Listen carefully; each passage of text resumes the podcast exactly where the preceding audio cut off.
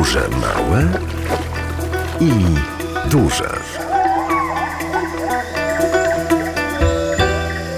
I tak oto, drodzy Państwo, w naszym podróżowaniu będziemy wędrować oczywiście tam, gdzie nostalgicznie już w tę ostatnią październikową niedzielę tak naprawdę wielu z Państwa, także naszych radiosłuchaczy, kieruje swoje troki, kroki. Czyli tak naprawdę będziemy wędrować po tych miejscach, w których wspominamy, tych, których już nie ma razem z nami, drodzy Państwo. Będziemy oczywiście także przy zespole cmentarzy przy ulicy Lipowej w Lublinie. Zapraszamy Państwa gorąco na tę naszą wędrówkę, bo to będzie wędrówka po mieście, którego już nie ma i po mieszkańcach, których nie ma, ale ciągle o nich pamiętamy. Będziemy ich wspominać, będziemy także podziwiać tę, jak zazwyczaj mówimy, galerię na świeżym, otwartym powietrzu, czyli to miejsce, w którym bardzo, ale to bardzo wiele zabytków sztuki sakralnej możemy podziwiać. Jarosław Gołofit ten program zrealizuje, a sprzed mikrofonu kłania się Magdalena Lipiec-Jaremek. Mówimy Państwu dzień dobry, zachęcamy i zapraszamy także do tego, aby Państwo również włączyli się w nasz program 801 50 10 22, także 81 743 7383 i jak zawsze podróże małpka radiolublin.pl i proszę wskazać nam takie miejsca, być może gdzieś także we wszystkich miejscowościach całego naszego regionu, gdzie znajdują się szczególne, wyjątkowe nagrobki, a na nich zapisane wyjątkowe epitafia. Ja tylko początek zacytuję. Nie ma ci już między nami smutno na duszy boleśnie, bo jak nie gonić za tobą łzami, gdy nam odeszłaś tak wcześnie. Proszę Państwa, to no, swego rodzaju poezja wręcz funeralna, prawda? Prawda, to wszystko się zgadza jak najbardziej. Naszą przewodniczką będzie przewodniczka PTTK, pani Barbara Klimczak, która również lubi zatrzymywać się w takich miejscach, gdzie możemy przeczytać przepiękną poezję funeralną, o której tutaj teraz mówiła, ale przede wszystkim epitafia, takie złote myśli, które w jakiś sposób trafiają do nas, także teraz współczesnych. I tak oto, drodzy Państwo, kiedy już powoli, delikatnie zaczynają szurać nam te liście, także nie tylko w lasach, po, który, po, których tak bardzo lubimy wędrować, nie tylko w parkach miejskich, ale również po swoistych takich galeriach sztuki, które również przypominają nam, jeśli chodzi o stare, zabytkowe cmentarze, także i parki, bo to cmentarze, ogrody, w takim oto zamyśle przecież na przełomie XVIII i XIX wieku powstawały owe cmentarze, wędrujemy Idziemy szlakiem wyjątkowego spaceru. Koronkowe Madonny i skrzydlaci geniusze. Cmentarz przy ulicy Lipowej to jedna z najstarszych nekropolii w Polsce. Świadectwo wielokulturowości Lublina, miejsce spoczynku przedstawicieli trzech wyznań. I spacerując po tej właśnie takiej nieoczywistej galerii sztuki, będziemy podziwiać bogate w formę i symbolikę nagrobki oraz rzeźby wybitnych artystów. Będziemy przypominać także sylwetki twórców kultury, przemysłu, lekarzy, społeczników, którzy na zawsze wpisali się w historię naszego miasta, w historię Lublina. Ale na początek historia samego cmentarza przy ulicy Lipowej. Pani Barbara Klimczak, przewodnik PTTK, jest razem z nami podczas tego spaceru i to jej głos wiodący. Będą dzisiaj Państwo mieli szansę podziwiać i także wsłuchiwać się w tę niesamowitą wiedzę, jaką zaprezentowała nam podczas radiowego, szeleszczącego, jak już Państwo słyszą, tymi liśćmi, ale też i wiatrem październikowym spaceru. Historia tego cmentarza no, rozpoczyna się w roku 1794, kiedy władze miasta kupują trzy morgi gruntu od zgromadzenia panien Brygidek. Władze miasta kupują te, te, tę ziemię, ten grunt, ponieważ są zobligowane przepisami, które ustanowiono dwa lata wcześniej, no, na mocy których właśnie należało założyć cmentarz z dala, poza murami miejskimi, poza siedzibami mieszkańców. A o tym zdecydowały no, przede wszystkim względy zdrowotne. Ponieważ te cmentarze, które powstawały do końca XVIII wieku, no, to były cmentarze wewnątrz miast, przy kościołach, z racji tego, że one nie mogły być powiększane i tutaj zawsze doskonałym przykładem jest nasz kościół pod wezwaniem świętego Michała Archanioła, ten, którego dzisiaj mamy niestety tylko fundamenty w centrum Starego Miasta, wokół niego znajdował się cmentarz. I możemy sobie wyobrazić, że ten cmentarz nie mógł być powiększany. Wokół są kamienice, mury miejskie. Także odbywały się tam wręcz takie pochówki, dokonywano ich można powiedzieć piętrowo i dochodziło do tego, że te ostatnie pochówki były niekiedy przysypane tylko kilkunastocentymetrową warstwą ziemi. To oczywiście stwarzało ogromne zagrożenie rozprzestrzenieniem się epidemii i to był ten główny cel, powód właśnie zakładania cmentarzy poza, poza miastem. To był 1794 rok, jednak no tutaj musieliśmy poczekać w Lublinie kilkanaście lat, aby mieszkańcy mogli, aby mieszkańcy przekonali się do tego, żeby tutaj chować swoich bliskich. Pokutowała taka wielowiekowa tradycja, że jeżeli no, kogoś bliskiego z rodziny pochowamy bliżej kościoła, będzie on bliżej Boga, bliżej nieba. No a poza tym cmentarze poza miastem, no to były przede wszystkim kirkuty, prawda? Czy też e, cmentarze epidemiczne. Także no, mieszkańcy tutaj kilkanaście lat należało poczekać, aby przekonali się do tego nowego miejsca.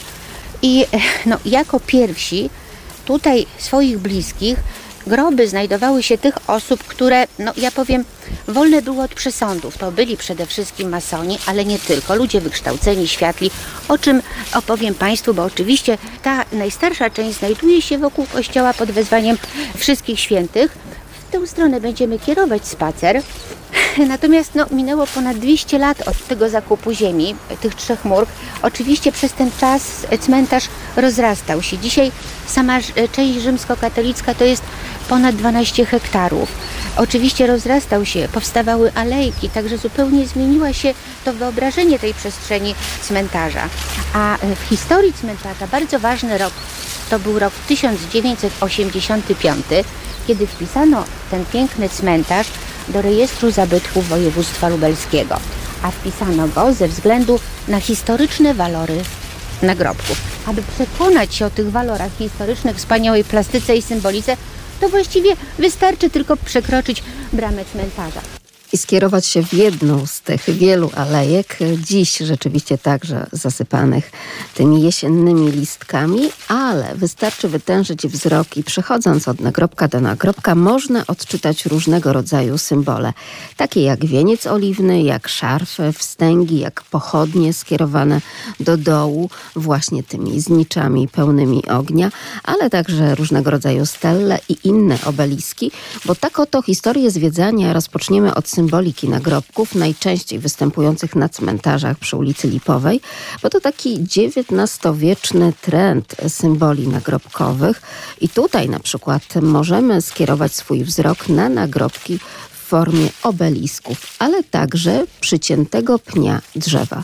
Czy Państwo wiedzą, cóż takiego może symbolizować, jak odczytać w ogóle ten symbol przyciętego pnia drzewa, który najczęściej znajduje się na bardzo, ale to bardzo wielu nagrobkach właśnie w tej najstarszej części cmentarza przy ulicy Lipowej. 801 50 10 22, a także 81 743 7383.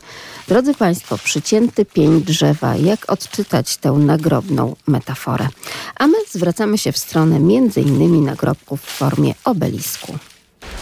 Obelisk, który symbolizował potęgę, wieczną sławę. Taki nagrobek znajdował się na grobach osób zasłużonych.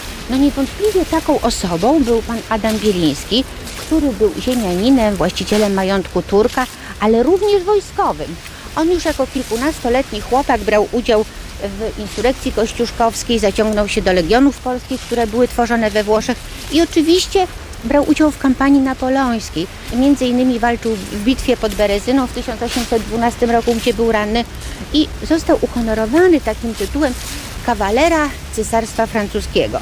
Także postać jak najbardziej zasłużona, jeżeli chodzi o ten typ nagrobków. Ja dodam, że jeżeli chodzi o źródło, skąd się w ogóle pojawiły na przestrzeni XVIII-XIX wieku nagrobki w formie obelisków, a one miały związek oczywiście z odkryciami archeologicznymi nad Nilem, no wówczas no, ma miejsce w Europie taka e, egiptomania, to również ma oczywiście, e, e, tutaj rzutuje na te typy które nagrobków, które się znajdują na cmentarzach. Ja też dodam, że chyba najbardziej znany egiptolog Jean Champollion, jego nagrobek, który, grób, który znajduje się na Père Lachaise w Paryżu, też właśnie ma formę obelisku. Oczywiście te obeliski na cmentarzach, one miały formę zredukowaną w porównaniu tych oryginalnych egipskich. Niemniej jednak źródło y, stamtąd się wywodzi i dodać należy, oczywiście wiemy, że no, ogromną rolę też wojska napoleońskie w tym odegrały Napoleon z żołnierzami. Oczywiście z armią bierze sztab naukowców, którzy badają, opisują, przywożą te zabytki do Europy. Także źródło, jeżeli chodzi o ten typ nagrobka, związany jest z, z odkryciami archeologicznymi nad Nilem. Ogromna grupa nagrobków, przede wszystkim w stylu klasycystycznym. I ten styl również związany jest z taką powszechnie panującą w XIX wieku modą na antyk, prawda? No też to jest związane, oczywiście swoje źródła ma w odkryciach archeologicznych starożytnych ruin Grecji, Rzymu i te formy, te elementy takie z architektury antycznej, one są również przenoszone do tak zwanej małej architektury, którą no niewątpliwie są nagrobki. Proszę Państwa, tutaj naprawdę niezwykle ciekawym przykładem jest nagrobek Natalii Saduńskiej. To jest stela, czyli ta pionowa płyta, w tym wypadku półokrągła. I proszę zwrócić uwagę na symbole, na te ornamenty, jakimi jest ozdobiona. To jest wieniec oliwny i, i szarfy, i wstęgi. I taki wieniec oliwny właśnie dla starożytnych Greków i Rzymian, on symbolizował wieczny spokój po śmierci. Natomiast zgodnie z Biblią, no to wieniec był można powiedzieć, nagrodą również dla tych, którzy swoje życie przeszli w zgodzie z nauką Chrystusa. Prawda? Także ta interpretacja tego symbolu jest dwojaka. Natomiast skierowane w dół pochodnie to już jest taki ewidentny symbol śmierci, eh, który był no, przez Kościół uznany za pogański i zastąpiony świecami. Niemniej jednak w tych XIX-wiecznych nagrobkach, jak Państwo zobaczycie, on jest naprawdę bardzo popularny i występuje bardzo często. To, co jest jeszcze e, bardzo ciekawego w przypadku tego e, nagrobka, to również inskrypcje. I oczywiście dzisiaj też znajdują się na współczesnych grobach, na przykład cytaty z Biblii, prawda?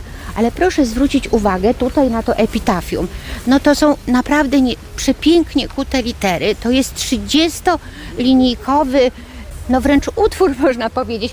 Ja tylko początek zacytuję. Nie ma ci już między nami smutno na duszy boleśnie, bo jak nie gonić za tobą łzami, gdy nam odeszłaś tak wcześnie. Proszę Państwa, to no, swego rodzaju poezja wręcz funeralna, prawda? I to też nam bardzo dużo mówi o osobach, które te nagrobki tutaj stawiały, bo y, proszę zwrócić uwagę, że nie tylko ten napis, ale no, te wszystkie piękne nagrobki, które będziemy podziwiać, to są nagrobki rodzin naprawdę zamożnych. Na to biedna osoba no, nie mogłaby sobie w tamtym czasie pozwolić. To epitafium, no, jak kiedy go czytam, no przede wszystkim od razu myślę, że to jest ogromna ból, ból rodziny po stracie, prawda, w tym wypadku bardzo młodej osoby, dwudziestokilkuletniej Natalii Sadujskiej, ale też wiemy, że te literki, no już mówiąc takim językiem współczesnym, to była naprawdę bardzo droga usługa. Także to jest nagrobek naprawdę no, rodziny, która mogła sobie na takie coś pozwolić i no, rodzice prawdopodobnie, tato był naczelnikiem szpitala wojskowego, tej Natalii Saduńskiej, która spoczywa właśnie y, na tym nagrobku. On jest zawsze tutaj przez nas podawany jako przykład, ale przyznacie Panie, no naprawdę sama, no jaka to jest, y, pięknie są te litery kute, prawda? Zapraszam teraz y, alejką przejdziemy w stronę kolejnych takich bardzo ciekawych przykładów i często powtarzających się tutaj na cmentarzu. Poczekajmy. Ciekawe przykłady i bardzo ciekawe motywy, metafory tak naprawdę zaklęte w tych starych, omszałych już bardzo często kamieniach, czy też przerdzewiałych delikatnie, e, chociażby krzyżach żeliwnych czy metalowych. My dzisiaj pochylamy się nad tym wszystkim i spacerujemy wraz z naszą wyjątkową przewodniczką, panią Barbarą, przewodniczką z PTT-ku lubelskiego. Drodzy Państwo, i zatrzymujemy się między innymi przy tych symbolach i motywach na cmentarzach, bo one bardzo, ale to bardzo dużo nam potrafią powiedzieć także i nam współczesnym. Dzień dobry Pani Zofio. Dzień dobry.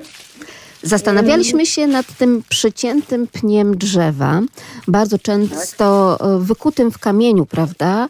E, ale też i są to rzeźby metalowe. Cóż takiego może oznaczać ten pień drzewa? No ja myślę, że to skrócone życie, że bardziej takim młodym ludziom, którzy nagle odeszli z tego świata, Tak, rzeczywiście bardzo pięknie Pani odczytuje tę metaforę, chociaż to metafora ukuta przez tych, którzy żyli na przełomie XVIII i XIX wieku, ale ciągle jeszcze do nas przemawiająca, prawda? Czyli tak, tak, nagle przerwane życie, bo ten pień jest taki dosyć wysoki, to nie jest u samej podstawy, prawda? Tak Mhm. między innymi wyglądają te pnie. Zastanawiam się, czy także gdzieś na cmentarzach w Białej Podlaskiej widać tego typu nagrobki. Tak, tak, też bywają, bywają. Mhm. Dziś spotykamy się w tę już ostatnią październikową niedzielę i tak naprawdę myślimy o święcie Wszystkich Świętych. E, dlatego tak nostalgicznie troszeczkę z tym poszumem liści gdzieś tam pod stopami dzisiaj sobie spacerujemy i wędrujemy. Czy pani także zdarza się, pani Zofio, tak zatrzymywać przy nagrobkach, wczytywać także w te napisy, sentencje, w te epitafia nagrobne? Tak, tak, zdarza się. W ogóle jak jestem gdzieś właśnie nawet w Lublinie, cmentarz przy Lipowej, na, często odwiedzam i właśnie po, patrzę, oglądam i czytam te epitafia. No i tak gdzieś, gdzieś mam tro, trochę czasu, to po prostu lubię tak jak w parku chodzić czy, czy oglądać drzewa, to, to ja tutaj lubię właśnie y, patrzeć na pomniki, na, na postacie, na takich pomnikach, jakieś anioły, jakieś tam inne, inne, no. Tak, koronkowe Madonny, zresztą tak właśnie nasza przewodniczka pani Barbara Klimczak O, o, o, zatytułowała ten e, nasz spacer. Koronkowe Madonny i skrzydlaci geniusze, bo między innymi właśnie takie symbole możemy odczytać. Poza tym, co Białej był... Podlaskiej też jest taki, taki właśnie, no jest sporo takich grobów na tym naszym cmentarzu. Też jest stary cmentarz, ale nie wiem, dosłownie w tej chwili nie wiem ile ma lat, ale jest stary też. Tak, i rzeczywiście właśnie te dawne nagrobki niesamowicie do nas przemawiają. Są też po prostu piękne, prawda? W takim pięknie odchodzenia, w takim pięknie także tego dawnego świata. Bardzo I dziękuję. Okucia takie Tak? mają dookoła, jakieś okucia, jakieś takie y, stelle, czy tam jak się to nazywa, nie wiem. Tak, zdobienia. Tak, Bardzo tak, często jest to tak, taki e, ograniczony teren, prawda? Obudowy Tak, niejako tak, takim tak, płotkiem właśnie Tak, takiego nagrobka. Ma pani rację. To wszystko świadczy także o tym, jak wiele miłości ktoś włożył w pożegnanie danej osoby i myślę, że to także Tak. do nas po prostu przemawia. Właśnie, tak, tak, tak. Bardzo Pani dziękuję i jesteśmy zachęceni. Dziękuję bardzo, aby ten Pani rodzinny cmentarz także właśnie w Białej Podlaskiej razem obejrzeć i również być może wyszperać takie historie i ciekawostki, jakie mamy okazję poznawać tutaj spacerując przy zespole cmentarzy przy ulicy Lipowej. Nie odchodzi ten, kto pozostaje w sercach bliskich. Spieszmy się kochać ludzi, tak szybko odchodzą. Kochana i była kochana. Zawsze w naszych sercach żył długim i dobrym życiem. Nasza miłość jest wieczna, także po śmierci. Między innymi takie epitafia Państwo cytują, pisząc do nas na podróżemałpka.radiolublin.pl, bo dziś rzeczywiście taka swoista, nostalgiczna podróż po prostu po cmentarzach. Powróćmy w takim razie do tego przyciętego pnia drzewa. Często z takiego pnia wyrastają jakieś odłamane gałązki, oczywiście w rzeźbie, zachowane przez artystę i przez jego zamyślenie metaforyczne nad takim właśnie przyciętym pniem drzewa, ale też i pojawiają się jakieś młode, wychodzące listki, które mają zwiastować taką swoistą ciągłość życia mimo wszystko. Tu jest przepiękny przykład nagrobka, który nawiązuje do sztuki antycznej i zawsze jest tak przysłonięty. To jest, nie wiem dlaczego, zawsze, od lat tutaj, no takie miejsce jest. Ale proszę, tutaj gdyby Panie mogły zwrócić uwagę, kobieta, antyczny strój, fryzura i pochodnia skierowana w dół. No przepiękny przykład właśnie no, nawiązania do tej sztuki antycznej, prawda? Zawsze jest taki y, tutaj no, piękny przykład. Proszę Państwa, i kolejne nagrobki to są nagrobki w formie uciętego pnia drzewa. Tych nagrobków właśnie, no tu jest kilka. Przepięknie też są odnawiane. Kolejny typ nagrobka, który bardzo często będzie pojawiał się właśnie wśród tych XIX-wiecznych nagrobków, to jest nagrobek w formie właśnie ściętego pnia drzewa. Proszę Państwa, to już jest taki no, bardzo wymowny symbol śmierci. Ten ścięty pień, no to już nie jest to drzewo życia, nie wyrosną konary, liście, gałęzie, tu już się skończyło życie i to jest Proszę zwrócić uwagę przy tej alei nawet no kilka takich pięknych tutaj aktualnie odnawianych nagrobków znajduje się. Takie pnie wyrastają bardzo często ze skałek. I te skałki zwrócimy uwagę, bo to będzie się tak powtarzało w bardzo różnych miejscach. One są ułożone równo, one będą usypane w taki kopiec. I skałki no też są nieprzypadkowym elementem, bo same skałki mają swoją symbolikę Chrystusa, trwałość istnienia Kościoła. Zwrócimy też uwagę, bo z tych skałek będą wyrastać bardzo często krzyże również. To będą krzyże kamienne i krzyże żeliwne. Bardzo ciekawy przykład tego y, nagrobka Stanisława Lingenau, który był oficerem gwardii księcia Józefa Poniatowskiego, jego osobistym adiutantem. Przed nami kolejne przykłady właśnie tego typu nagrobków. Proszę zwrócić uwagę, one znowu wyrastają, ustawione są na kamieniach. To nie był czas, to nie była pora. W naszej pamięci na zawsze. Często się śmiał i bardzo kochał. Pamięć nie umiera nigdy. To kolejne epitafia, które Państwo nam przesyłają. Znane Państwu także z tego odwiedzania cmentarzy właśnie na przełomie października i listopada, bo to taki nasz polski czas zadumy. Warto czasami zatrzymać się i wczytać w te epitafia, bo one bardzo dużo mówią nie tylko o tym, który tam spoczywa, ale także o tych, którzy pozostali przy życiu i którzy zadbali o to, żeby to epitafium było takie, a nie inne, żeby ten nagrobek był taki, a nie inny. Żebyśmy my dzisiaj mogli korzystać z tego, tak jak powtarzała w czasie spaceru tutaj po cmentarzach przy ulicy Lipowej nasza przewodniczka, pani Barbara Klimczak z lubelskiego PTT-ku, że tak naprawdę jesteśmy ciągle w takiej nieoczywistej, swoistej galerii sztuki na wolnym powietrzu grupa takich pięknych nagrobków neogotyckich, które związane są z historyzmem. One nawiązują do średniowiecza. One wyobrażają szczyty wysmukłych, wertykalnych gotyckich katedr. Przepięknie zdobionych jakimiś motywami kwiatowymi, ażurowe baldachimy. I jak mówię, tu jest ich kilka na cmentarzu i pod takim baldachimem zdarzy się zauważyć klęczące dziecko, postać świętego, a tutaj, proszę Państwa, no przepiękna postać właśnie skrzydlatego geniusza. To jest bóstwo antyczne opiekuńcze, które opiekowało się człowiekiem od urodzenia do śmierci. W sztuce był przedstawiany zawsze jako uskrzydlona postać ludzka, a tutaj no, przepięknie jest przedstawiony, ponieważ on już ma takie przymknięte oczy. Możemy sobie wyobrazić, że ta jego rola ziemska już dobiega końca. Ta osoba, którą się opiekował, odeszła. No i to, że trzyma skierowaną w dół pochodnię, to właśnie też potwierdza, że jest to właśnie ten antyczny, uskrzydlony geniusz. Jeden z najpiękniejszych, jak dla mnie, nagrobków tych neogotyckich na cmentarzu, dlatego no, staram się zawsze zatrzymać tutaj z osobami, które spacerują i podziwiają. Jest to okazja również abym no chociaż słów kilka powiedziała na temat Społecznego Komitetu Odnowy Zabytków. Jest to ogromna zasługa. To, że możemy spacerować, podziwiać piękne rzeźby, to jest naprawdę zasługa społeczników, którzy są y, y, tam zaangażowani. Ale nie byłoby to możliwe, gdyby oczywiście nie mieszkańcy, nie lublinianie i nie coroczne kwesty, które odbywają się w okolicach Święta Zmarłych, doskonale Panie wiecie. Także przy tej okazji i zawsze dziękujemy mieszkańcom, ale też przypominamy o tym, że te pieniążki, które są wrzucane do puszek, to jest potem praca szeregu fachowców, którzy wspaniale odnawiają te piękne zabytki.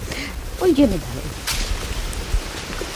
Tu przykład skałek, kolejny. Z tych skałek symbolu Chrystusa, trwałości istnienia Kościoła, no w tym wypadku usypane są w takiej formie wzgórza, wyrasta ociosany no, imitujący ociosany drewniany krzyż, który jest wykonany również z żeliwa. A ja tylko chciałabym Państwu przypomnieć, że Polskie Radio Lublin i w tym roku współorganizuje kwestę na rzecz odnowy zabytkowych nagrobków na cmentarzach przy ulicy Lipowej w Lublinie. W tym roku ta kwesta będzie się odbywała w dniach od 1 do 3 listopada i serdecznie oczywiście Państwa zachęcamy także do odwiedzin naszej rozgłośni w tym szczególnym dniu, właśnie po to, żeby wspierać te przepiękne nagrobki, żeby poddawać je renowacji i żeby jednak coś do tych puszek kwestujących dorzucić. Nasi dziennikarze, dziennikarze Polskiego Radia Lublin i pracownicy Polskiego Radia Lublin także będą z takimi puszkami czekali na Państwa właśnie przy cmentarzach przy ulicy Lipowej. Wraz z naszą przewodniczką, panią Barbarą Klimczak, odwiedzaliśmy tak naprawdę mogiły i również chociażby wszystkich tych, którzy byli związani z Lublinem, ale także tych, którzy byli wielkimi, niezłomnymi patriotami. Przy mogiłach więźniów Zamku Lubelskiego, ale także powstańców styczniowych przywoływaliśmy atmosferę dramatycznych wydarzeń, których ofiary zostały upamiętnione właśnie na tym lubelskim cmentarzu. Zanim skręcimy w tę alejkę, przyznam, że no, w tym roku wybrałam trasę spaceru akurat alejką, ze względu też na no, bardzo ważną rocznicę, jaka jest 160. rocznica wybuchu Powstania Styczniowego. I proszę, po pierwsze, zwracam uwagę, nagrobek w formie uciętego drzewa, ale i postać nieprzypadkowa Anastazy Suligowskiej. Postać bardzo ważna dla historii rozwoju miasta. To jest budowniczy, właściciel, dyrektor pierwszej gazowni, jaka została wybudowana w Lublinie.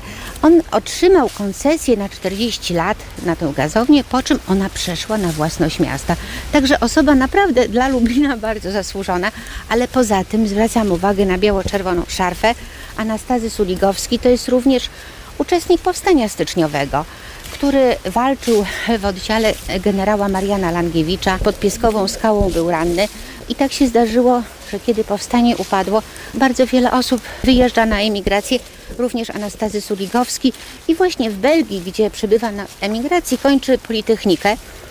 Kiedy ogłoszono amnestię, wraca już tutaj jako inżynier budownictwa i wodnego, i lądowego. No i właśnie jedna z tych wspaniałych dla Lublina inwestycji, która była jego dziełem, to jest jedna z pierwszych w Królestwie Polskim gazowni. No i jak mówię zawsze, dzięki panu Anastazemu Sulikowskiemu rozbłysły na ulicach Lublina gazowe latarnie. Bardzo zasłużona osoba dla rozwoju, dla historii miasta. Przed nami znajduje się nagrobek na grobie rodzinnym rodziny Bobrowskich, właścicieli Snopkowa. Proszę Państwa, to jest chyba jedna z najpiękniejszych rzeźb, jaka znajduje się tutaj na cmentarzu. Autorem tej rzeźby jest Bolesław Srewicz, wybitny artysta. Przedstawia ona, on przede wszystkim rodzice Państwo Bobrowscy zamówili u Syrewicza ten piękny nagrobek jako zrozpaczeni rodzice po stracie 17-letniego syna. I przedstawia on taką grupę anioła z żałobnicą. Proszę zwrócić uwagę, no naprawdę przepięknie przedstawiona takiej kobiety, która bardzo cierpi. Ta jej obolała taka twarz jest spowita woalem, składa ona wieniec, no i to jest naprawdę przepięknie przedstawione, no ten ogromny smutek i cierpienie. Natomiast kontrastem dla tej kobiety jest anioł. Anioł stoi wyprostowany. No i w pewnym stopniu można tak sobie wyobrazić, jakiś dialog wchodzi z kobietą. On jej tłumaczy, pociesza, pokazując niebo, wskazuje te wyższe boskie intencje, na których, no, no, od których nie mamy tutaj na nie no, bardzo często wpływu. Także przepiękny nagrobek artysty, który miał swoją pracownię na Zamku Królewskim w Warszawie, artysty, który jest autorem wielu nagrobków y, y, warszawskich, rzeźb religijnych. Będąc w Paryżu spacerować po ogrodach luksemburskich, wśród bardzo, bardzo wielu rzeźb, które te ogrody zdobią, tam się znajduje popiersie Fryderyka Chopina. To popiersie jest właśnie autorstwa Bolesława Syrewicza. No mówię to jak gdyby na potwierdzenie tych słów, powszechnie już takich znanych, że no, stare cmentarze to są naprawdę galerie sztuki na wolnym powietrzu. Zapraszam. Rzeczywiście wędrując wśród tego szelestu liści, ale także podziwiając te wybitne rzeźby, dzieła wyjątkowych artystów, próbujemy zrozumieć tak naprawdę i tych, którzy tam spoczywają, ale także i siebie samych współcześnie. Powrócimy na zespół cmentarzy przy ulicy Lipowej tuż po godzinie 13. Podróże małe i duże. Dziś zaprosiłam Państwa na kolejny spacer z cyklu Zakochaj się w Lublinie. Spacery pod tym hasłem Zakochaj się w Lublinie organizuje Polskie Towarzystwo Turystyczno-Krajoznawcze w Lublinie. Temat spaceru na dziś to koronkowe Madonny i skrzydlaci geniusze. Cmentarz przy ulicy Lipowej to jedna z najstarszych nekropolii w Polsce, świadectwo wielokulturowości Lublina, miejsce spoczynku przedstawicieli trzech wyznań. I my dzisiaj tam właśnie jesteśmy.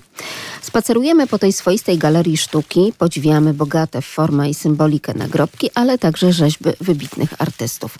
Przypominamy sylwetki twórców kultury, przemysłu, ale także lekarzy, społeczników, którzy na zawsze wpisali się w historię miasta, tak jak i ta osoba, której nazwisko znamy i operujemy tym nazwiskiem po dziś dzień. To był w ogóle człowiek renesansu, który zajmował się i y, etnografią, historią. Y, on y, po prostu zebrał ogromne ilości książek, map, dokumentów, które właściwie są, stały się podstawą dwóch bardzo ważnych instytucji, z których korzystamy do dzisiaj. Jego nagła śmierć no, w wypadku powie, powiedzmy komunikacyjnym w tamtym czasie on po prostu wypadł z bryczki. Kiedy zjeżdżał dzisiejszą ulicą Wyszyńskiego, to był bardzo stromy trakt. I tak stromy trakt jest z pewnością po dziś dzień, bo takie nachylenie także możemy zaobserwować. Ale czy Państwo wiedzą, o jakiej osobie mówimy? Pod jaki nagrobek za chwileczkę z naszą przewodniczką, czyli z panią Barbarą Klimczak z lubelskiego PTT-ku podejdziemy. 801 50 10 22, także 81 743 7383.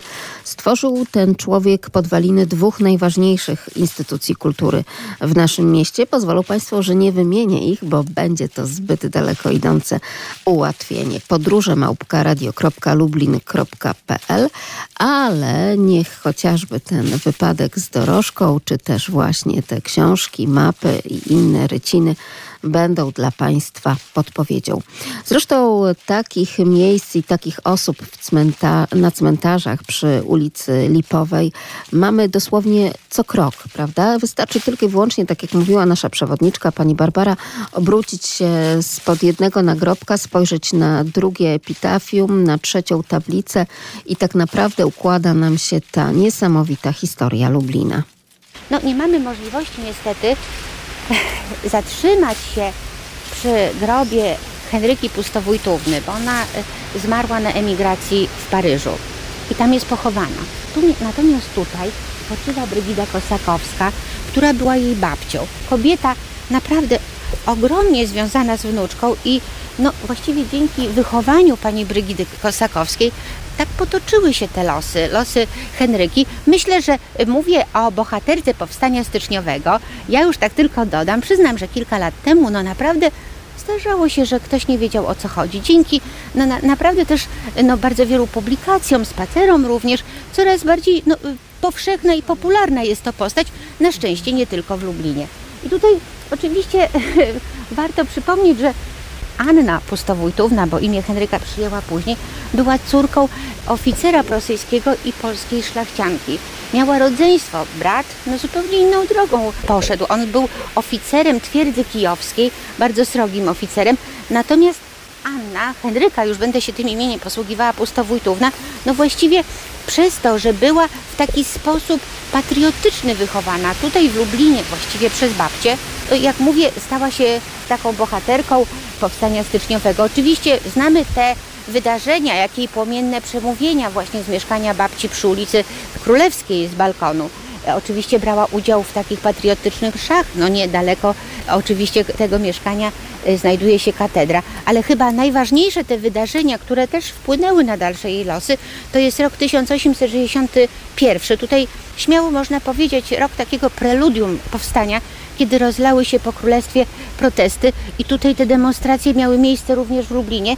No i te wydarzenia, które, no przypomnę, bo są to jednak piękne wydarzenia, kiedy demonstranci chcą złożyć kwiaty przed pomnikiem Unii Lubelskiej i wśród nich jest grupa kobiet, na czele tej grupy Henryka przerywa kordon wojska, który otacza pomnik, no i składa te kwiaty, czym zaskarbia sobie ogromne uznanie i podziw Lublinian. No i tutaj było uznanie i podziw, ale z drugiej strony to jest też powód, że już władze carskie no nie chcą e, tolerować jej po prostu takich zachowań, tego buntu i zostaje skierowana do monastyru w głąb Rosji. Kiedy jest w Żytomierzu, tu znowu pojawia się babcia. Ona właśnie nawiązuje kontakt ze studentami i oni organizują w taki, można powiedzieć, ucieczkę Henryki, ponieważ ona jest no, stale pod obserwacją Rosjan. No i wyjeżdża Henryka, jak wiemy, na tereny dzisiejszej Rumunii, po czym wraca do Królestwa Polskiego i tutaj ta najbardziej znana z jej, z jej losów no, historia, kiedy zostaje osobistym adiutantem właśnie Mariana Langiewicza, ale też chciałabym podkreślić, że ona również walczyła chociażby w bitwie pod Małogoszczą, gdzie roznosiła rozkazy, pomagała rannym, ale też osobiście brała udział w walce. Także powstanie po raz kolejny, mówię, no niestety potoczyło się, jak się potoczyło, była klęska, znalazła się w więzieniu austriackim, po czym po wyjściu już nie wraca do Polski, tylko właśnie dociera do Paryża. No i tam również, to też należy podkreślić, że y, ona w trakcie wojny francusko-pruskiej czy y, komuny paryskiej cały czas się angażuje. Ona tam działa jako sanitariuszka. Tam poznaje Stanisława Lewenharta, za którego no, wychodzi za mąż, właśnie też byłego powstańca, zakłada rodzinę. No i tu w tej Francji tym Paryżu właśnie już jako bardzo młoda kobieta, 43-letnia, umiera na serce. Na pewno wpływ na to miały te przeżycia powstańcze, no, w które była zaangażowana prawda, na terenie Królestwa Polskiego. I proszę Państwa, mówię tak pokrótce, bo to jest naprawdę taki, bardzo ograniczam ten, ten, ten życiorys Hedryki, ale jesteśmy przy grobie jej babci, a teraz możemy sobie wyobrazić, jak tam właśnie na tym paryskim cmentarzu na grobie Henryki znajdują się słowa, Henryka Lewenhardt z domu Pustowójtów, pełna odwagi, oddania i energii w kraju i na wygnaniu, na polu walki i w rodzinie. I one po prostu kilka słów naprawdę przepięknie oddało. Tak pozwoliłam sobie przypomnieć te najważniejsze właśnie wydarzenia z jej życia. Także mówię, no na to, w jakim była człowiekiem, jak postępowała, ogromną rolę miała babcia, którą właśnie w ten sposób patriotyczny wychowała. No i też te ogromne związki tutaj y, z naszym miastem w roku 1861. Jeszcze do niedawna mówiono o niej zapomniana bohaterka powstania styczniowego, Anna Henryka Pustowójtówna, ale tak jak Państwo usłyszeli, to epitafium tak wiele mówi, pełna odwagi, oddania i energii w kraju, jak i na wygnaniu. To wyjątkowa bohaterka, którą także wspominamy wędrując po cmentarzach przy ulicy Lipowej, ale pytaliśmy o szczególną osobę, o mężczyznę tym razem, nie o kobietę. Czy pani Małgorzata wie, o kogo chodzi? Halo, halo, dzień dobry. Tak, dzień dobry. Domyślam się, że chodzi o Hieronima Łopacińskiego. I muszę przyznać, że z biblioteki jego imieniem nazwanej bardzo często korzystałam do tej pory. Bardzo nas to cieszy. Tak jest, to jest bardzo ważne nazwisko. Nazwisko tutaj dla nas, dla Lublinian. Poza tym niesamowita postać historyczna. To jest postać, której życiorys, także jeśli chodzi o tę pasję zbierania tych dokumentów historycznych, ale także właśnie książek, czy też różnego rodzaju dzieł sztuki, mogłaby się nadawać na jakiś scenariusz filmowy, taki naprawdę jak najbardziej współczesny, pani Małgorzato. A skoro już wiemy, że pani jest z Lublina, to proszę powiedzieć, jakie znaczenie ma dla pani właśnie ten kompleks cmentarzy przy ulicy Lipowej? Czy to jest miejsce, które tak po prostu Lublinianie lubią, cenią? Jaki jest pani stosunek do no tego właśnie, miejsca? Muszę przyznać, że y, sporo i moich przyjaciół i członków mojej rodziny spoczywa na tym cmentarzu, przodkowie, y, mój pradziadek, y, mojej babci brat i również z miejsca, gdzie w tej chwili pracuję, rektorzy, doktorzy, profesorowie, także Często bywam na tym cmentarzu i również muszę przyznać, że inspiracją dla mnie, kiedy świętej pamięci moja mama odeszła z tego świata, były te nagrobki i według niektórych z nich zaprojektowałam nagrobek mojej mamy i również mojego taty. Jakiż to niesamowicie piękny i wzruszający gest. Dziękuję Pani Małgorzato, że Pani się podzieliła tym wyznaniem, bo to świadczy o tym, że skoro pani oczy i dusza niejako opatrzyły się właśnie w te przepiękne, rzeźbione, ale także tak metaforycznie wiele mówiące nagrobki, które możemy podziwiać przy cmentarzach przy ulicy Lipowej, to rzeczywiście być może stąd między innymi taka chęć, żeby jak najpiękniejszy nagrobek właśnie także wystawić swojej mamie. A jak brzmi epitafium? Czy w ogóle epitafia mają także dla pani duże znaczenie? Czy poza tą sztuką sakralną, jeśli chodzi o rzeźby, także spogląda Pani na teksty? Tak, y, oczywiście, że tak. Y, Tym bardziej, że y, szczególnie w wiekach wcześniejszych epitacja coś mówiły o osobie, która spoczywa pod danym imieniem i nazwiskiem. Często nie wiedzieliśmy, kto to jest kim była dla osób, które odprowadzały na miejsce spoczynku wiecznego. W związku z tym dobrze jest poczytać trochę, bo to jest y, miejsce, gdzie to są teksty, które są i wzruszające i właśnie wiele mówiące o tym, jak traktowano te osoby, kim były, jak były ważne, y, jak bardzo tęsknią osoby, które pozostały y, y, tutaj na, na ziemi, prawda? Prawda, zgadzam się z panią oczywiście i pozostaje mi naprawdę tylko i wyłącznie dodać do tego, że to, że Polskie Radio Lublin jest w sąsiedztwie właśnie tych cmentarzy przy ulicy Lipowej, to muszę pani powiedzieć, że jakoś tak, także w takiej codzienności nastraja nas to troszeczkę inaczej, także chociażby do innego sposobu mówienia właśnie do państwa, do naszych radiosłuchaczy, do spojrzenia również w głąb tego, czym jest historia naszego miasta, a początkującym dziennikarzom, którzy przekraczają próg naszej rozgłośni, wielu mistrzów dziennikarstwa mówi o tym, że jeżeli szukasz tematu, to udaj się także na cmentarz, bo tam wśród tych nazwisk otwiera się dla ciebie historia na kolejny ważny reportaż, czy też po prostu materiał dźwiękowy, więc coś w tym wszystkim jest. Bardzo pani dziękuję, pani Małgorzato, Dziękuję również serdecznie. za te refleksje. Dziękuję, Dziękuję pięknie, dziękuję. I wierzę, że wtedy, kiedy my będziemy wędrować, my dziennikarze Polskiego Radia Lublin, tutaj także tymi alejkami na cmentarzach przy ulicy Lipowej, będziemy zapalać znicze również tym, którzy tworzyli Polskie Radio Lublin, to spotkamy i panią Małgorzatę i także innych również mieszkańców naszego miasta. Powracamy do Hieronima Łopacińskiego.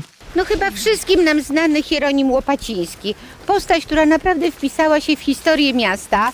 Ale tu koniecznie kilka słów, bo Hieronim Łopaciński nie był rodowitym lublinianinem. On tutaj przybył i podjął pracę nauczyciela w gimnazjum gubernialnym, uczył języków klasycznych i y, właśnie no, bardzo takim, takim wydarzeniem, które y, miało miejsce w jego życiu był dzień, kiedy do niego skierował y, się dyrektor y, tego gimnazjum i ówczesny y, gubernator Włodzimierz Tchórzewski polecili panu Hieronimowi, aby odnalazł dokumenty, które będą świadczyły o rosyjskim pochodzeniu Lublina. I to było naprawdę ważne wydarzenie, ponieważ e, no, Hieronim Łopaciński miał możliwość korzystania z bardzo różnych źródeł. On miał umocowanie władz rosyjskich. To były e, e, e, na przykład e, no, dokumenty, które znajdowały się na terenie królestwa, ale też archiwa Petersburga czy Moskwy. No, mimo, że no, szukał w bardzo wielu miejscach, on e, źródeł pochodzenia rosyjskich Lublina nie odnalazł. Ale to był ten czas, kiedy on się tak powiedzmy rozsmakował w tej pracy historyka i poszukiwacza, że on tę pracę no, kontynuował do końca swojego życia. To był w ogóle człowiek renesansu, który zajmował się i y, etnografią, historią. Y, On po prostu zebrał ogromne ilości y, książek, map, dokumentów, które właściwie są, stały się podstawą dwóch bardzo ważnych instytucji, z których korzystamy do dzisiaj. Jego nagła śmierć, no w wypadku powie, powiedzmy komunikacyjnym w tamtym czasie, on po prostu wypadł z bryczki. Kiedy zjeżdżał dzisiejszą ulicą Wyszyńskiego, to był bardzo stromy trakt, tam konie poniosły, Hieronim Łopaciński wypadł y, z bryczki, no i wskutek tych potłuczeń po prostu stracił życie. I, I wtedy jego przyjaciele, ten ogromny zbiór, który on zgromadził, odkupili od rodziny i te zbiory, jak mówię, stały się podstawą naprawdę dwóch wspaniałych instytucji. Ja tak trochę żartuję tu przychodząc, że to są dwa obeliski. Muzeum, dzisiejsze Muzeum Narodowe i oczywiście biblioteka. Biblioteka imienia Hieronima Łopacińskiego. Naprawdę człowiek niezwykle zasłużony dla miasta, który, jak mówię, no też to wielkie dzieło później przyjaciół, którzy towarzystwo chociażby biblioteki jego imienia tworzą, ale no podstawą tych wspaniałych instytucji i pracy pana Hieronima Łopacińskiego właśnie były te zbiory które odnalazł. I też zawsze tutaj też warto na przykład przypomnieć, że chociażby sztych, który przedstawia ten Hogenberga z 1618 roku Lublina, to jest też dokument, który odnalazł Hieronim Łopaciński. To jest szereg naprawdę bardzo interesujących dokumentów, które dzisiaj no, y, świadczą o pięknej, bogatej historii Lublina. To jest dzieło jego życia. Drodzy Państwo, ale na cmentarzu przy ulicy Lipowej mamy również taki swoisty, symboliczny grup osoby, która niejako łączy Lublin z morzem, a nawet tak naprawdę morzami na całej kuli ziemskiej. Właściwie cmentarz przy ulicy Lipowej, proszę Państwa, przejdziemy kilka kroków i już jest jak gdyby kolejna historia, natomiast kolejny bohater. W 2015 roku miał miejsce taki plebiscyt w Lublinie, w którym mieszkańcy wybierali największego Lublinianina, najbardziej takiego znaczącego w historii. I w 2015 roku akurat Marian Tadeusz Mokrski ten plebiscyt wygrał. No był to rok setnej rocznicy jego urodzin, ale postać jest naprawdę niezwykła. E, oficera marynarki wojennej, urodzonego w Lublinie. Ostatni adres lubelski Tadeusza Mokrskiego to jest ulica 3 Maja. Chodził do gimnazjum zamojskiego y, w Lublinie, po czym dostał się do y, Szkoły Podchorążych Marynarki Wojennej którą skończył z drugą lokatą. No i już to podkreślają tu wszyscy, że ukończenie tej uczelni z drugą lokatą to było naprawdę niezwykłym wydarzeniem. To był bardzo no, niezwykle zdolny y, człowiek. E, wspaniale tańczył, był wysportowany, no po prostu taki e, e, genialny uczeń. Kiedy kończy tę szkołę, on podejmuje służbę na kilku okrętach. To jest ORP Wicher, ORP Burza, ale kiedy przychodzi ten rok 1939 i wybucha II wojna światowa, służy na okręcie podwodnym ORP Orzeł. No, no, miały miejsce wydarzenia na, po których ten statek był internowany w porcie w Talinie. Kiedy był internowany, no oczywiście y, zabrano y, broń, wyposażenie, jednak załoga oczywiście chciała się y, z tego internowania Stalina, Stalina wydostać. Więc y, tutaj ogromną rolę miał właśnie kap, kapitan Tadeusz Mokrski, który na podstawie spisu latarń morskich wytyczył mapę Bałtyku i cieśnin duńskich i na podstawie tej mapy ORP Orzeł bezpiecznie dotarł do Wielkiej Brytanii. To było naprawdę niezwykłe wydarzenie. W Wielkiej Brytanii witano ich owacyjnie, zostali odznaczeni przez generała Sikorskiego, chociaż Tadeusz w liście do przyjaciela wspominał, taką pierwszą nagrodę, którą dostał po tym wyczynie, bo to był naprawdę ogromny wyczyn, żeby tę mapę po prostu wytyczyć na podstawie spisu latarń morskich. A pierwszą nagrodą, jak, o której pisał w liście do przyjaciela, to były dwie ostatnie puszki ananasa od kapitana statku. Także też to pamiętał i to takie bardzo charakterystyczne, w bardzo wielu wspomnieniach się pojawia. Natomiast no, kiedy już ten czas e, wiwatów, aplauzu, powitania ORP Orła minął, oni ruszyli do normalnej pracy, pracy zwiadowczej, wyruszali w rejs. No i w, w czasie kolejnego z rejsów w czerwcu 1940 roku ORP Orzeł już nie powrócił. Do dzisiaj jest to sprawa niewyjaśniona, którą zajmuje się naprawdę bardzo wiele osób, no bo tak naprawdę nikt nie wie w jaki sposób marynarze, jak zatonął statek, jak zginęli marynarze. Tutaj znajduje się taki tylko y, symboliczny grób Tadeusza Mokrskiego, natomiast dla osób zainteresowanych zawsze no, zostawiamy informację, że mapa, którą wytyczył, ta mapa Bałtyku i tych cieśnin duńskich, ona do dzisiaj znajduje się w Instytucie Sikorskiego w Londynie i jest ogromną pamiątką. To tak dla osób zainteresowanych, które by były i chciały, akurat jest bardzo cenna no, dla nas wszystkich, aby chciały ten, tę mapę zobaczyć zobaczyć mapę, ale też oczywiście wędrować e, również od nagrobka do nagrobka, bo tak jak Państwo słyszą, po prostu otwiera nam się tutaj historia życia bardzo wielu wyjątkowych ludzi związanych z Lublinem.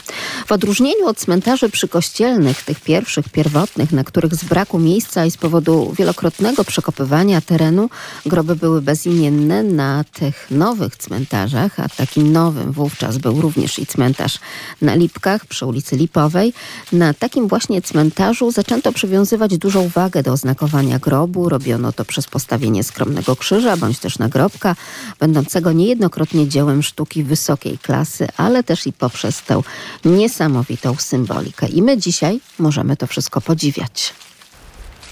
Spacer po cmentarzu przy ulicy Lipowej to jest zawsze okazja przypomnienia historii y, bardzo wielu osób, które się na stałe wpisały w historię miasta, ale to jest również historia samego miasta. Jak tu w tym przypadku historia kościoła pod wezwaniem świętego Michała Archanioła i tej przepięknej legendy zgodnie z którą właśnie święty Michał Archanioł w roku 1282 pojawił się we śnie księcia Leszka Czarnego, nakazał przeprowadzić walkę z jadźwingami. Wspaniały kościół, pierwszy kościół parafialny, który no niestety w połowie XIX wieku, jak wiemy, był no, na tyle zniszczony, że niestety postanowiono kościół rozebrać. Precjoza przepiękne, w które był wyposażony, znalazły się w innych świątyniach, między innymi w dzisiejszej archikatedrze. Natomiast ten cmentarz, który znajdował się przy kościele, został przeniesiony tu na Lipową. I ja dodam, wrócę jeszcze do tego prawa, które nakazywało właśnie założenie cmentarza poza miastem.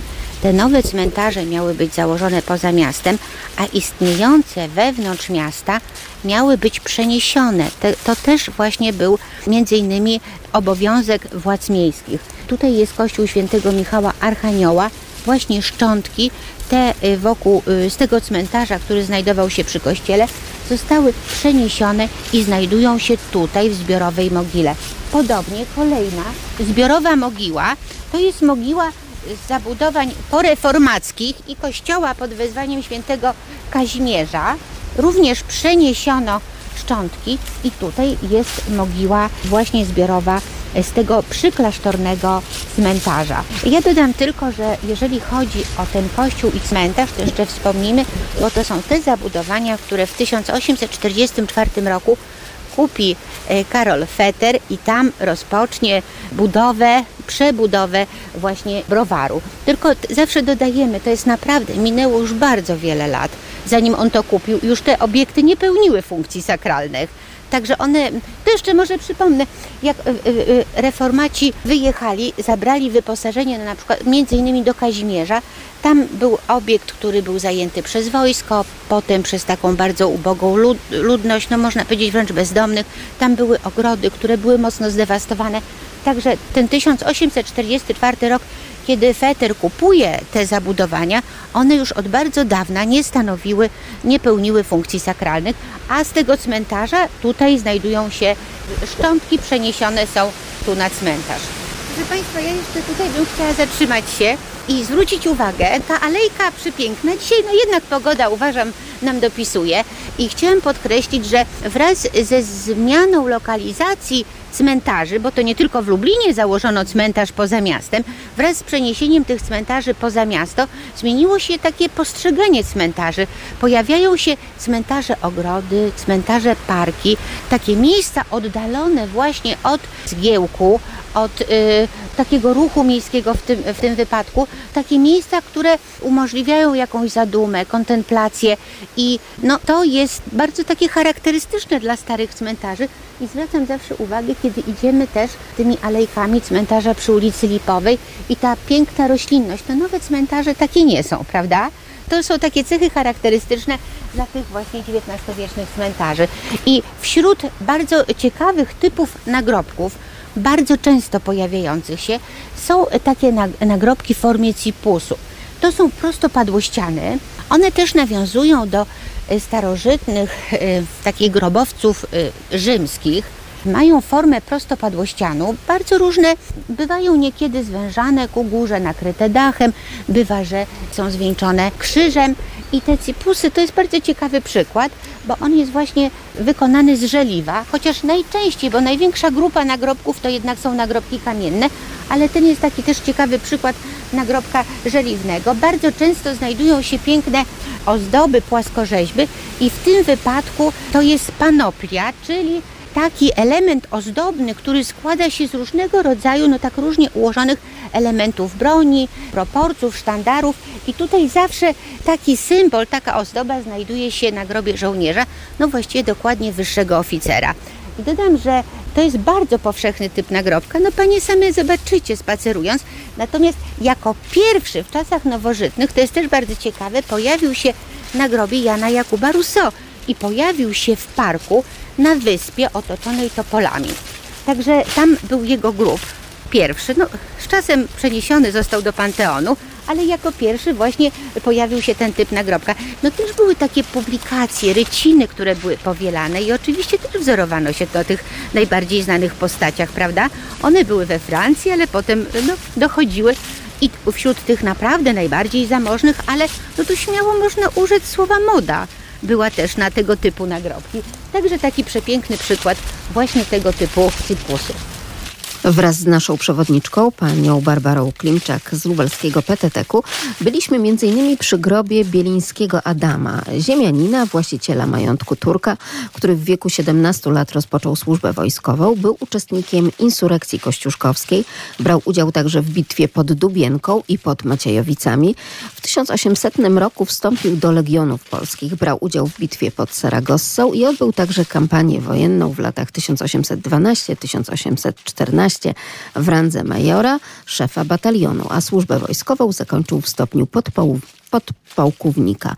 Ale teraz, drodzy Państwo, kolejna gałąź właśnie rodziny Bielińskich, e, gałąź, e, która pokazuje nam, jak bardzo te wszystkie rody związane są właśnie z tym miejscem, czyli z Lublinem i z Lubelszczyzną grup rodzinny potomków pana Adama Bielińskiego. Aleksander, no ziemianin, prawnik, ale też działacz społeczny, niepodległościowy, który był więźniem Cytadeli Warszawskiej, który był zesłańcem na Sybir. Jest tutaj również jego wnuk, również Aleksander, bardzo młody chłopak, ułan, który z tejże rodzinnej Turki jedzie do Turowoli, do swojego oddziału, no ale w tym na drodze napotyka oddział kozaków, no i w nierównej walce po prostu traci życie. I chciałam tutaj zawsze tak podkreślamy, piękna klamra, która to, tę historię rodziny łączy. I zawsze podkreślam, że potomkowie po panu Adamie odziedziczyli nie tylko majątek ziemski, ale odwagę i charyzmę. Jest to piękny przykład takiej rodziny, prawda? I również nagrobek w formie obednisku, no w tym wypadku tutaj znajduje się na kuli krzyż. Przepiękny nagrobek, naprawdę niezwykle bogato zdobiony państwa służyckich. Widzicie Pani oczywiście skałki, prawda? Ze skałek ociosany z drzewa krzyż, no i potężna kotwica. To jest taki symbol mocnego trwania w wierze. Ten symbol życia, płonąca urna i wąż, który symbolizuje zmartwychwstanie. Wąż jest po prostu no, w bardzo różnych wersjach tutaj na nagrobkach. Zdarza się, że Madonna, postać taka wyrzeźbiona, figuralna, depcze, prawda, węża. No, można powiedzieć, depcze ten symbol grzechu, ale najczęściej przedstawiany jest właśnie jako symbol zmartwychwstania, też ten wąż połykający ogon. Bardzo często na XIX-wiecznych nagrobkach się pojawia. No i rzecz taka niezwykła, ponieważ tu nie wiem, czy Panie dostrzegły, jest żabka. No właśnie, to jest ten taki bardzo ciekawy symbol, no, związany z cyklicznością życia. No właściwie z tym, z tym cyklem ostatecznym. No żabka, która wcześniej była kijanką, skrzekiem, prawda, już ta forma żaby to już jest ta ostateczna forma. Ona już jej nie zmieni. I to jest takie nawiązanie do, też do tego cyklu życia człowieka, który jest dzieckiem, młodzieńcem, dorosłym, prawda? I dochodzi do tego etapu takiego u progu tego świata. Także no bardzo ciekawy i naprawdę ze względu na tę symbolikę nagrobek państwa służyckich. Ale warto też chociaż słowo wspomnieć, bo Służycy to też bardzo ciekawa rodzina. Pan Tomasz był lekarzem.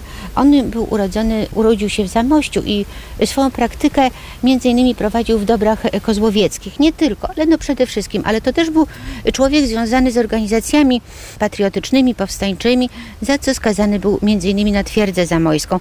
Potem wrócił do Lublina i tutaj już prowadził prowadził prywatną praktykę, chociaż tam współpracował z innymi szpitalami, na przykład y, na zamku szpit- y, ze szpitalem więziennym czy żydowskim. Natomiast jego małżonka, też warto przypomnieć właśnie rolę kobiet, pomagała takim prześladowanym unitom, ale przede wszystkim ta rola kobiet w tym okresie powstańczym no, zbierała środki, środki, no, które miały pomagać powracającym z zesłania Sybirakom. No bardzo ciężka to była sytuacja tych ludzi. Naprawdę wracali po latach tułaczki, prawda, po tych, po tych ciężkich przebyciach na Syberii, także takie organizacje i takie kobiety, które zajmowały się y, zbieraniem tych środków, no to była naprawdę niezmiernie ważna działalność. Pomnik, który właśnie upamiętnia powstańców styczniowych. Miejsce niezwykłe, w którym zawsze mieszkańcy Lublina oddają cześć powstańcom styczniowym. Miejsce, które powstało, ten pomnik w roku 1916 z inicjatywy innymi Henryka Wiercieńskiego, który utworzył taki komitet, który właśnie miał pomagać i wspierać tych y, powstańców, którzy przeżyli powstanie, tych, którzy powrócili z zesłania, ale między innymi z tych środków właśnie budowano ten pomnik, ponieważ y, przeniesiono wtedy prochy powstańców, którzy byli w miejscu tak zwanych koszar świętokrzyskich. Proszę Państwa, mówiąc y, koszary świętokrzyskie, jeżeli chodzi o budynek, to oczywiście mamy na miejscu dzisiejszy katolicki Uniwersytet Lubelski. Natomiast za y, tym obszarem y, znajdował się no, ten obszar, gdzie ćwiczeń, prawda, dla wojska rosyjskiego. I kiedy wybuchło powstanie, właśnie tam wyznaczono teren, którym wykonywano egzekucję. To jest dzisiejsza ulica właśnie generała Mariana Langiewicza i tam znajduje się symboliczny pomnik, który upamiętnia te wydarzenia. A rok 1916 właśnie przeniesiono tu między innymi, między innymi właśnie tego młodego 20-letniego komisarza na województwo lubelskie Leona Frankowskiego. No tutaj warto chociaż kilka słów, który stał na czele powstańców no, złożonych ze studentów Instytutu Politechnicznego w Puławach. Oni walczyli w Kazimierzu, potem miała miejsce bitwa nad Słupczą, w której y, Frankowski został ranny, oni tam zostali rozbici i trafił Frankowski do szpitala w Sandomierzu. W szpitalu zostaje rozpoznany, że jest po prostu no, tak ważną postacią, prawda? On tutaj był tym y, komisarzem rządu narodowego. No i co spowodowało, że został przewieziono go na Zamek Lubelski. Tutaj zapada wyrok od którego już nie ma żadnego odwołania mimo wielu starań. Po prostu y, Leon Frankowski zostaje powieszony właśnie na terenie koszar świętokrzyskich. No i tym przykładem bardzo ciekawym y, wszyscy są wspaniali, to są wszyscy powstańcy, ale na przykład Kazimierz Bogdanowicz, y, ziemianin z ponieważ on z własnych środków zorganizował i wyposażył kilkuset osobowy oddział, na czele którego walczył. No i też niestety i na Lubelszczyźnie i wokół, wokół no ale też tak się wydarzyło, że y, trafił do niewoli i również został skazany przez Rosjan na karę śmierci. To te dwie postacie i tutaj kilku innych powstańców, którzy tam stracili życie, właśnie to była taka uroczystość, że przeniesiono te prochy właśnie w 1916 roku i oni tutaj spoczęli. I jest to chyba to najważniejsze miejsce dla Lublinian, w którym, jak mówię, zawsze w rocznicę i nie tylko, jak zawsze, zawsze jakieś kwiaty, zawsze palą się lampki. Ta postać Henryka Wiercińskiego, która odegrała bardzo ważną rolę, który sam był powstańcem, po pięcioletniej zsyłce na Sybir, po amnestii wraca do, tutaj na tereny królestwa, ale zatrzymał się między innymi w Nałęczowie, gdzie pełnił funkcję sędziego. No niemniej jednak no nie mógł tego e, stanowiska piastować, to uniemożliwiały mu władze rosyjskie i przyjeżdża do Lublina. I tutaj też bardzo ciekawą prowadzi działalność, bo on zajmował się historią, etnografią, ale też wiele informacji na temat powstańców, chociażby Henryki Pustowójtównej. To są właśnie te informacje, które zawdzięczamy no, tym artykułom, które y, właśnie y, zamieszczał w prasie y, Henryk Wiercieński. Zapraszam teraz w kierunku kościoła pod wezwaniem Wszystkich Świętych, dawnej kaplicy, i chciałam tylko tutaj, mm, kontynuując może ten temat, jak spacerujemy, na terenie cmentarza jest bardzo wiele grobów powstańców. A miejscem, tym właśnie najważniejszym, zawsze którym wspominamy powstańców i zawsze jest ta chwila na zadumę, to jest ten pomnik w centrum naszego y, cmentarza. Ja tak przy okazji może dodam, bo będą jeszcze ogłoszenia, na pewno proszę śledzić. Tutaj koleżanki, koledzy z koła PTTK organizują spacer poświęcony tylko powstańcom. Także na pewno trudno tu będzie odwiedzić mogiły, ale kilku tu bardzo wybitnych postaci jeszcze inaczej będzie zorganizowany. Także proszę śledzić i na pewno odbędzie się e, w, w, no, w najbliższych tygodniach. Planowany jest w początku listopada. I tak oto, drodzy Państwo, zapraszamy na drugą edycję spaceru w 160. rocznicę powstania styczniowego Gloria Victis, chwała zwyciężonym. Trasa spaceru to dawne koszary świętokrzyskie, ale także pomnik powstańców styczniowych, ulica generała Mariana Langiewicza, cmentarz przy ulicy Lipowej. Tam właśnie będziemy innymi przy grobach weteranów powstania z 1863 roku. Spotkanie z przewodnikami już 4 listopada o godzinie 10, czyli w najbliższą sobotę przed gmachem Katolickiego Uniwersytetu Lubelskiego.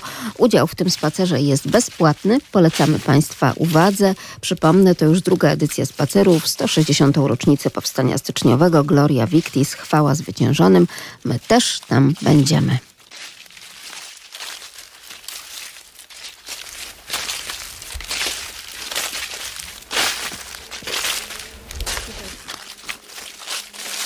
Każdy z cmentarzy zawsze podkreśla i jest bardzo dumny z tych najstarszych nagrobków, tablic, które świadczą no, o historii danego cmentarza. Wiemy, że w Lublinie no, tym najstarszym nagrobkiem to jest ten na starym e, cmentarzu żydowskim 1541 rok Macewa Jakowa Kopelmana Talmudysty. No i też z tego powodu bardzo dumni jesteśmy. To jest nagrobek, który od wieków stoi w tym samym miejscu.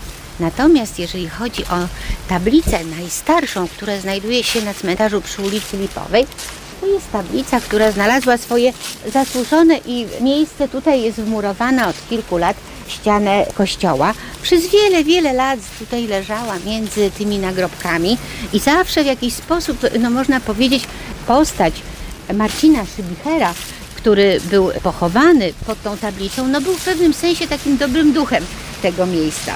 Sam nagrobek, jak informuje no, tutaj data, y, ta tablica pochodzi z roku 1800, a my wiemy, że pierwsze pogrzeby pierwsze tutaj odbywały się w roku 1811, także no jest pewność, że nie jest to tablica, która pochodziła z tego cmentarza, tylko została w jakiś no, sposób przeniesiona z innego przykościelnego. No i miało miejsce takie niezwykłe, można powiedzieć, dochodzenie takie, które przeprowadził pan wojewódzki konserwator zabytków. No wymagało to takiej mrówczej pracy, wielu dokumentów, prawda? I już wiemy, że Marcin Szybicher, to było wiadomo z akurat z tego epitafium pięknego. Te prace dały efekt tego, że wiemy, że to był zegarmistrz. On był w pewnym okresie w starszym cechu, działał w samorządzie lubelskim, był ławnikiem, posiadał kamienicę przy krakowskim przedmieściu, ale też dom i ogród przy farze. I tutaj właśnie najprawdopodobniej Przybicher był pochowany na tym cmentarzu właśnie przy kościelnym, przy lubelskiej farze. Ale w jaki sposób się ta płyta tu znalazła, no to będzie dla nas zawsze wielką niewiadomą. Niemniej jednak ja zawsze po prostu jestem e, pod wrażeniem tego e, napisu. Po, pozwólcie Panie, że przeczytam, bo jest po prostu niezwykły. I oczywiście te DOM, Deo Optima Maxima, Bogu najlepszemu, najwyższemu. Te słowa, które często znajdują się na tych nagrobkach. Pozwoliłam sobie napisać, ponieważ no tutaj nie chciałabym przeoczyć jakiegoś słowa. W tym grobie spoczywa Martinus z imienia, dziedzic kamienicy pod znakiem jelenia, z domu Szybicherów, nazwany z przezwiska. Został pogrzebany tuż przy ojcu z bliska, bo też wkrótce po nim zszedłszy z tego świata, nie zostawił po sobie ni siostry, ni brata, tylko żonę w smutku tak przychylną sobie, że ten kamień z żalem złożyła na grobie. Wieczną pamięć w sercu zagrzebłszy dla niego, czytających prosi ratunku za niego, pozdrawiając Marię i westchnąć do syna, aby dał spoczynek dla duszy Marcina. Proszę Państwa, no przepiękne, prawda? Zawsze pamiętamy. Jedna z naprawdę z niezwykłych, to niezwykłe epitafium i wspaniała tablica, jak mówię, najstarsza tablica, jaka znajduje się na cmentarzu. A człowiek żyje tak długo, aż nie zginie po nim pamięć, napisała pani Agnieszka na nasz adres podróże małpka.radiolublin.pl. Dziękujemy bardzo za te wszystkie przesłane nam epitafia, a także zdjęcia wyjątkowych miejsc w regionie, wyjątkowych cmentarzy i nagrobków. Będziemy jeszcze do tej cmentarnej tematyki powracać. A za dzisiaj dziękujemy bardzo pani Barbarze Klimczak, naszemu przewodnikowi z PTTK Lubelskiego. Podróże małe i duże.